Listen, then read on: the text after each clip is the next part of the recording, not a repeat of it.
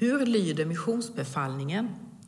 Skulle du kunna recitera den om någon väcker dig mitt i natten, precis som vi fick lära oss att rabbla multiplikationstabellen i skolan och kunna den utan till? Kanske någon missionär eller missionsintresserad vet exakt hur ordalydelsen är. Så som skolmatten sitter i ryggmärgen borde missionsbefallningen vara en reflex som tickar in om någon skulle fråga, men ännu viktigare är att hjärtat memorerat den och gjort den till sin. Åt mig har getts all makt i himlen och på jorden. Gå därför ut och gör alla folk till lärjungar. Döp dem i Faderns, Sonens och den helige Andes namn och lär dem att hålla alla de bud som jag har gett er. Och jag är med er alla dagar intill tidens slut. Det är ju ifrån Matteus 28, 18 till 20. Matteus avslutar hela sin bok med dessa pampiga ord från den uppståndne Jesus som på sätt och vis utgör sammanfattningen av hela evangeliet. Le grand final. Här är samtidigt startskottet för den fortsatta historien och för den kristna kyrkan. I verserna innan så står det att de elva lärjungarna begav sig till Galileen, till det berg dit Jesus hade befallt dem att gå. När de fick se honom där föll de ner och hyllade honom, men några tvivlade. Då gick Jesus fram till dem och talade till dem. Lärjungarna, hans elever, är på plats men håller sig lite på avstånd såsom frågande undrade över det uppenbart övernaturliga som de får vara med om. En död som fått liv och som stod där framför dem. Deras älskade Jesus. Deras mästare som de levt tillsammans med och hoppats på under flera år nu. Inte så konstigt då att de kanske var lite förvirrade. Allt hade ju gått så snabbt i Jerusalem. Från tillfångatagandet av Jesus som sedan lett till korsfästelsen. Och nu stod han återigen framför dem, livslevande, som de tidigare hade sett, men ändå annorlunda. Återuppstånden från de döda. Inte konstigt då att de inte riktigt visste vad de skulle tro. Allt hade ju inte riktigt hamnat på plats ännu för dem. I den paradoxen kan också vi hamna ibland, att vi både vill tro och tillbe Jesus samtidigt som undran och frågor kan lamslå oss så att vi inte riktigt vet vilket ben vi ska stå på. Det är tydligt genom evangelieberättelserna att Jesu lärjungar inte alls är några övermänniskor och långt ifrån perfekta. Och ändå så är det de som Jesus själv har utvalt. Jesus, han går fram till dem som för att visa att han hör samman med dem. Vi hör ihop. Och så gör Jesus med oss också. Minskar avståndet så att vi lättare kan få syn på honom, att vi ser honom och kan tro. Det uppdrag som Jesus ger lärjungarna det vilar ytterst på Jesu fulla makt och auktoritet, vilket borde inge lärjungarna ett gott självförtroende. De har ju själva hört att hans undervisning skedde med auktoritet och nu när de själva befinner sig i hans närvaro så ser de och vet att det stämmer. Daniel i Gamla testamentet har långt tidigare förutsagt att åt Människosonen har givits makt, ära och herravälde så att människor av alla folk, nationer och språk skulle tjäna honom. Hans välde är evigt, det skall aldrig upphöra och hans rike skall aldrig gå under. Mission inkluderar alla, både judar och hedningar, ja, alla folk i hela världen. Det inkluderar också oss, att vi blir lärjungar, elever till Jesus i vår dagliga omvändelse, så att andra ska kunna följa efter honom. Det är Gud som först har en mission och vi är indragna i den såsom kyrka och som lokala församlingar. Mission börjar alltid med Gud och fanns långt före kyrkan. Mission är ett verb, att älska. Guds mission föds i och ur Guds hjärta och har en riktning utåt åt alla folk.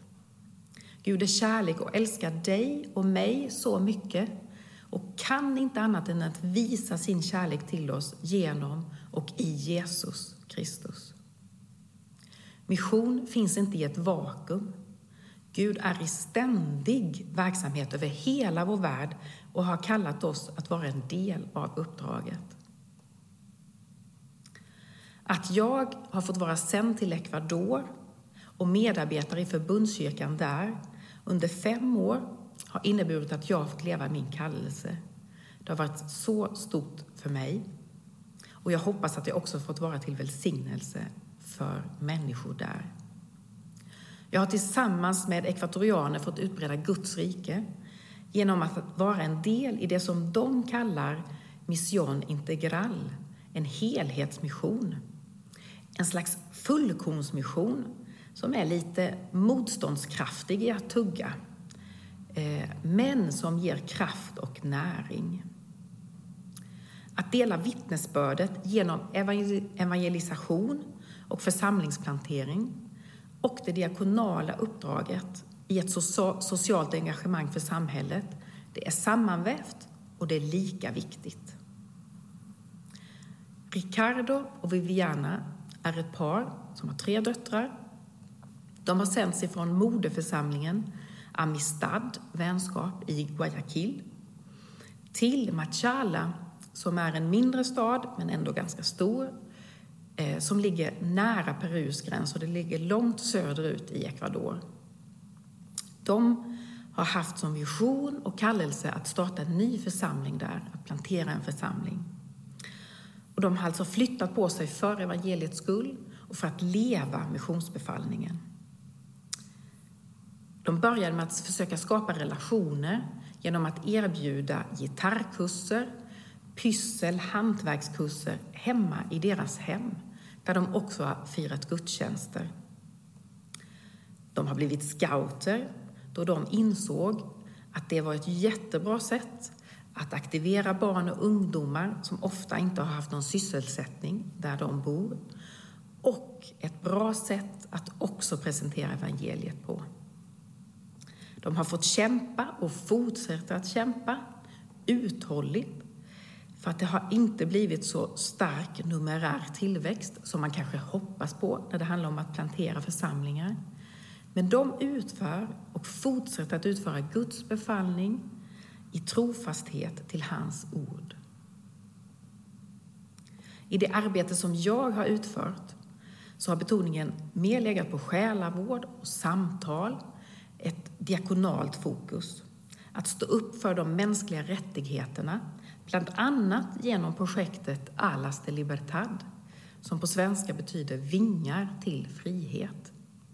De kämpar för att kvinnor och barn ska kunna få leva fria utan våld för de kvinnor som lever i våldsutsatta relationer. Att utbilda barn och föräldrar kring förebyggande av sexuella övergrepp har också varit en uppgift för mig. Och jag har alltid försökt påtala barnperspektivet i alla de sammanhang jag har varit när jag har rört mig med barn, ungdomar och föräldrar. Det är verkligen viktigt och en hjärtefråga för mig. Förbundskyrkan de driver olika sociala projekt.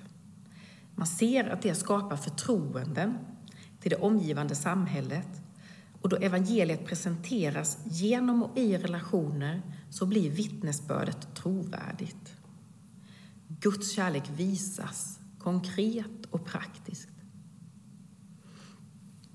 Befallningarna som ges i missionsbefallningen, de är tre. Gör alla folk till lärjungar, döp dem och lär dem att hålla alla de bud jag har gett er. Det är imperativ, det är uppmaningar. Gör detta. Att lära sig att hålla buden betyder att handla efter dem och undervisa dem. Den som gör så räknas som stor i himmelriket. Hit kopplas också lydnad och rättfärdighet. För Matteus så var Jesus den enda sanne läraren, väl värd att följa. Han har tidigare skrivit, skrivit och budskapet om riket skall förkunnas i hela världen och bli till ett vittnesbörd för alla folk. Sedan skall slutet komma. Det ger en föraning om avslutningen av evangeliet som vi kallar missionsbefallningen. Mitt i detta stora allvar och ansvar så uttalas det storslagna löftet Emanuel, Gud med oss. Gud är med. Jag är. Jag är med er. Ekar tillbaka från Gamla testamentet där jag är, Javé, det heliga gudsnamnet, genom historien är med sitt folk, generation efter generation. Gud är en som håller löften. Nu, idag, är Jesus med sitt folk, med oss, med sin kyrka. Det löftet gäller för oss som för framtida generationer. Det är omöjligt att, det är omöjligt att utföra ett uppdrag i enbart mänsklig kraft. Vi är helt beroende av Jesus Kristus i detta. Han är inte bara närvarande lite nu och då, utan i varje stund. Under alla dagar så får vi, får vi ta del av hans närvaro genom den heliga Anden. Det är inte i vår egen makt som vi delar med oss av de goda nyheterna. Det är i hans makt och myndighet. Precis som Jesus var sänd av Fadern så sänder han oss. Och vi får gå. Vi får gå ut i Alvesta, i Vårgårda, i Stockholm, liksom i Ecuador och till jordens yttersta gräns. Vi ber så, och jag skulle vilja be en bön som kommer från Costa Rica. En man som heter Luis Leiva har bett den första gången och vi får be tillsammans i dessa ord. Gud, ge oss kyrkor som är mer järva än på sin vakt. Som inte bara är en trygghet för de hotade utan också utmanar de allt för trygga. Som inte bara älskar världen utan också kräver rättvisa. Som inte tiger still när folket ber att någon upphäver sin röst. Som inte bara går förbi när en sårad mänsklighet väntar på att bli helad. Som inte bara samlar oss till gudstjänst utan sänder oss som vittnen.